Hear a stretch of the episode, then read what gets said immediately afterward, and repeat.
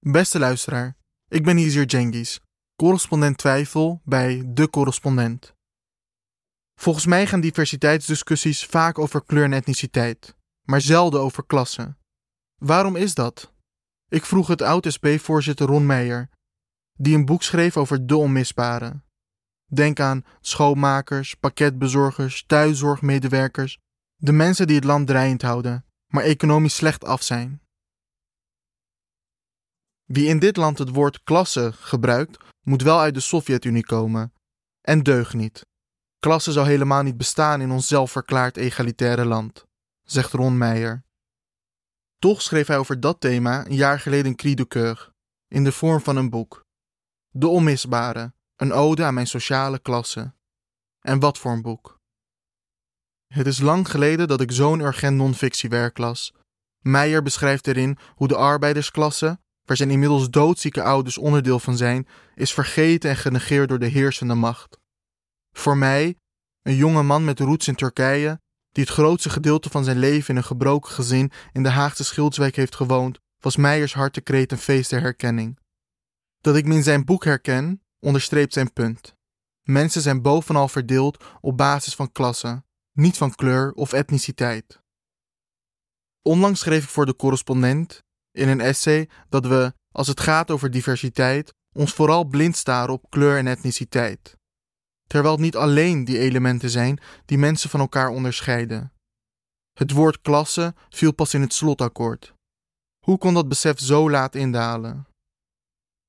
Op zoek naar een antwoord op die vraag, met het boek De Onmisbare onder mijn arm, zocht ik Meijer op in Heerlen.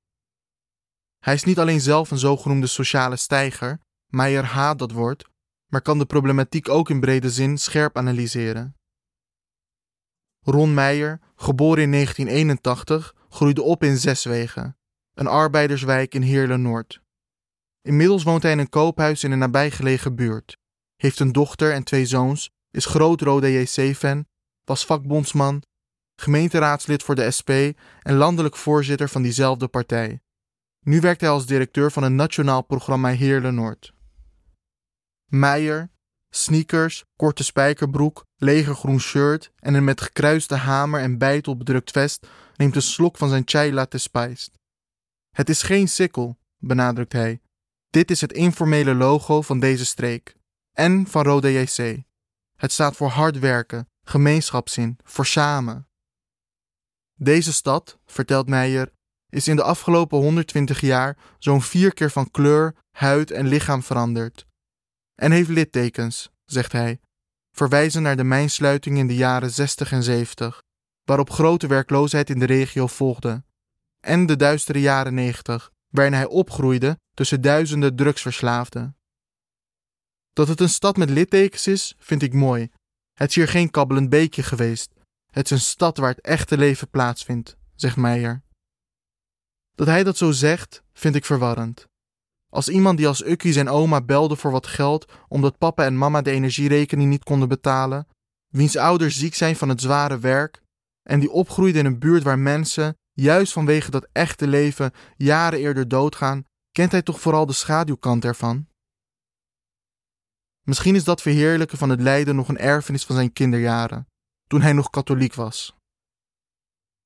In zijn boek constateert Meijer dat hoewel vandaag de dag de verschijningsvorm van de arbeider is veranderd, de onderliggende machtsverhoudingen vrijwel onveranderd zijn. Die arbeidersklasse van vandaag noemt Meijer de onmisbare. Het gaat hem om de pakketbezorger, de schoonmaker, distributiemedewerker, cashier en de thuiszorgmedewerker.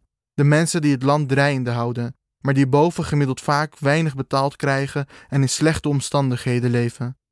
Mensen die, volgens Meijer, geen toegang tot media, economie en macht hebben.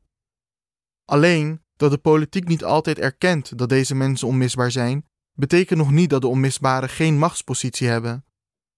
Waarom zetten ze die macht dan niet in voor betere leven- en werkomstandigheden? Er hoeven maar een paar honderd bagagesjouwers op Schiphol een uurtje te staken en het land staat op zijn kop. Maar de meest onmisbaren zijn redelijk, empathisch en enorm solidair met de rest. Daarnaast zijn er mensen nodig die laten zien dat het anders kan, zegt Meijer. Die uitspraak tekent Meijers analyse. Nederland mist een maatschappelijke voorhoede. voorgangers met rebelse ideeën die zich niet neerleggen bij de status quo, en een intellectueel debat aanjagen over klassenverschillen. Liever gebruikt Meijer het woord ideeënstrijd, maar hij wil niemand tegen de schenen schoppen. Een voorbeeld van zo'n voorganger is Kapi, Meijers maat en werkzaam als treinschoonmaker. Hij ontmoette Kapi 15 jaar geleden in zijn rol als vakbondsbestuurder. Kapi bleek een informele leider. Meijer zegt: Als jonge vakbondsbestuurder dacht ik na over grootse dingen, zoals het verlagen van de pensioengerechtigde leeftijd en dubbele loonsverhogingen. Maar Kapi en zijn kornuiten gaven aan dat ze graag een magnetron voor tijdens de nachtdiensten wilden, om hun prakje op te kunnen warmen. Ik dacht, what the fuck? Ik had allemaal revolutionaire ideeën en zij willen een magnetron. En die kregen ze, nadat ze een petitie waren gestart. Na die magnetron, een klein succes, begonnen ze ook te geloven in de grotere veranderingen, zoals doorbetaling bij ziekte, wat toen nog niet geregeld was voor schoonmakers. Meijer leerde toen twee belangrijke lessen. Dat je niet voor anderen moet denken, maar ze zelf vragen naar hun behoeften en ideeën. En dat ogenschijnlijk kleine overwinningen kunnen leiden tot grote revoluties in de hoofden van mensen. Hij beseft dat zo'n voorhoede niet alleen maar geloof in en hoop op verandering moet inblazen bij de groep onmisbaren. Het is ook van belang dat deze groep het thema klasse terugbrengt in het intellectuele debat. Klasse moet opnieuw in de schijnwerpers. Want, stelt Meijer, klas is overal, behalve op tv, in de krant of aan de talkshowtafels, en evenmin in de politiek. Ter illustratie noemt hij een analyse van RTL Nieuws over de inflatie. De insteek, we zitten alle in hetzelfde schuitje. Überhaupt totale feitelijke onzin, zegt Meijer. En we moeten de inflatie uitzitten. Meijer zegt: Dat suggereert dat er niets aan de inflatie te doen is. In de intellectuele discussie is er geen alternatief. Zo oppert niemand om prijsverhogingen te blokkeren of prijzen te maximeren. Zelfs in tijden dat grote bedrijven die fundamentele goederen leveren, zoals de energie en voedsel, misbruik maken van crisis en zo oorlogswinst behalen. Terwijl in Frankrijk is er al een maximumprijs voor de energie. In België wordt er hardop over gesproken en Duitsland heeft de BTW op veel producten fors verlaagd. De realiteit heeft dit interview inmiddels ingehaald. Toch? Kamerleden twitteren over de verstikkende inflatie en een uitgebreid debat volgt ongetwijfeld. Maar volgens Meijer blijft dat bij morele oproepen. Waarom worden banken en vliegtuigmaatschappijen in enkele uren debat in de Tweede Kamer met crisiswetten en tientallen miljarden gered, maar worden handen nu vooral ten hemel geheven? In Nederland heerst volgens hem het geloof in de meritocratie. Hij zegt: alles wat je overkomt is je eigen verdienste of je eigen schuld. Door dat geloof kunnen verantwoordelijken wegkijken en elke intellectuele discussie over fundamentele, essentiële onrechtvaardige verschillen uit de weg gaan. Zelfs het kind dat vandaag geboren is in Heerlen Noord had er zelf voor moeten kiezen om bij de ouders weg te kruipen. Zo'n klassendiscussie klinkt niet zeggend en onnozel. Want zelfs als een inhoudelijk gesprek gevoerd wordt, kun je je afvragen wat de arbeidersklasse er nou eigenlijk aan heeft. Misschien wel niks, geeft Meijer toe. Maar debat is wel het startpunt van concrete verandering. Wat heeft de onmisbare Nederland dan opgeleverd? vraag ik hem.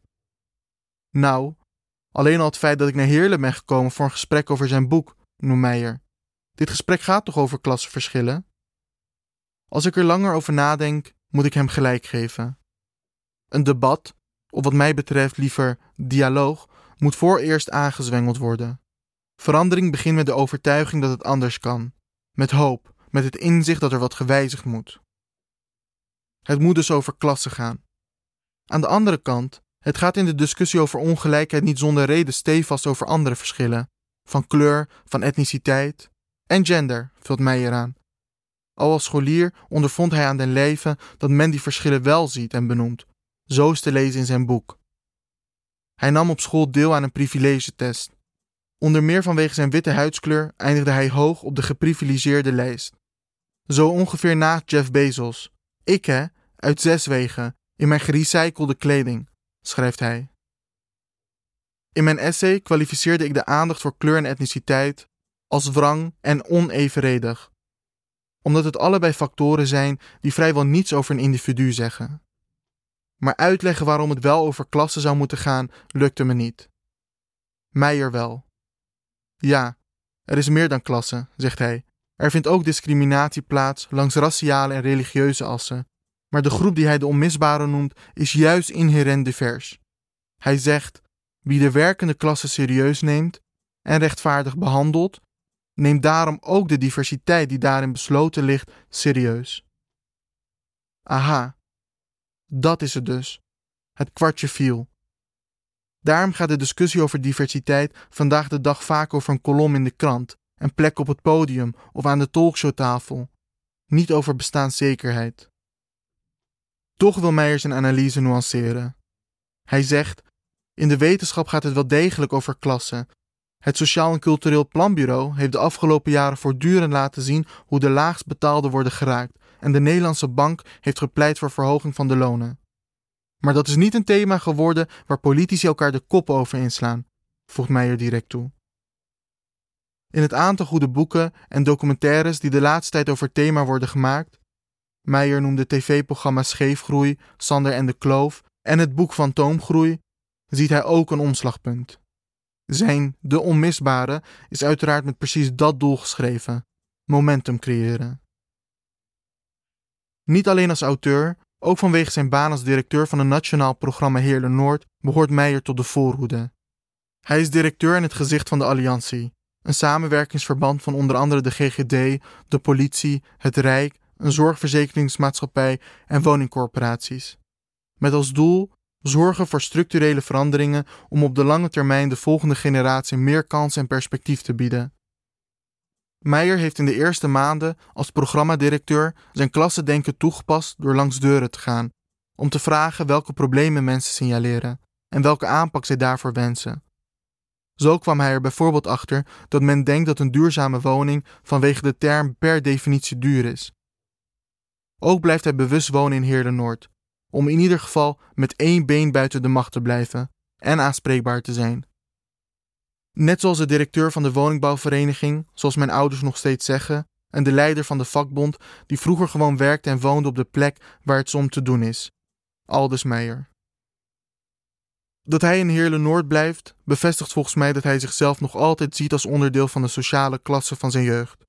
Ik heb niet de materiële omstandigheden van mijn ouders, maar diep van binnen ben ik nog altijd de jong uit Zeswegen. Klasse heeft ook een culturele dimensie, zegt hij. Kan je je daar ooit van losmaken?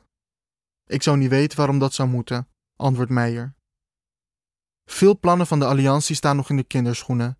Bijvoorbeeld dat vrijwel alle scholen in Heerlen Noord een rijke schooldag moeten krijgen. Wekelijks extra lestijd voor onder andere beweging en talentontwikkeling. Ook is het doel om 2500 woningen te verbeteren. Want als je naar verrijkt onderwijs gaat, maar je komt thuis in een schimmelwoning, dan wordt wat je hebt gewonnen teniet gedaan, zegt Meijer. En er moet voor het einde van volgend schooljaar een leerorkest komen. Scholieren die samen muziek maken en optreden. Meijer. Ik wist vroeger niet eens wat de voor- en achterkant van een blokfluit was. Dat leerorkest gaat op zichzelf de wereld niet veranderen. Maar het gaat ook over zelfbeeld en zelfvertrouwen. Hoezo zouden wij geen viool kunnen spelen? Een leerorkest voor kindjes lijkt klein, als een magnetron in de kantine op je werk maar je weet nooit tot welke revolutie in hun hoofd en verandering in de samenleving het kan leiden. Wie weet worden die kinderen de voorhoede die we nodig hebben, wil Meijer zeggen. Al die ideeën hebben voor Meijer het doel de levenskansen in Heerlen Noord de komende decennia terug te brengen naar het Nederlands gemiddelde, vertelt hij. Heb je de illusie, excuus, de hoop, dat het je gaat lukken? vraag ik. Zeker, zegt Meijer. Het is de missie van de correspondent om voorbij de waan van de dag te gaan. Onze correspondenten voorzien het nieuws van context en schrijven over de grote thema's van deze tijd. De correspondent geeft me de vrijheid om mijn nieuwsgierigheid te volgen en de tijd om verhalen te schrijven. En zo probeer ik onzichtbare structuren zichtbaar te maken en een andere kijk te bieden op debatten die het nieuws domineren. Dan gaat het minder over het spelletje en veel meer over wat er op het spel staat. Vanaf dag 1 zijn onze artikelen, boeken en podcasts gefinancierd door onze leden. Volg ons op onze journalistieke zoektocht. Overweeg eens lid te worden van de correspondent. En maak daarmee samen met ruim 70.000 anderen onze onafhankelijke journalistiek mogelijk. Dus word lid van de correspondent. Ja. Word lid. Word lid.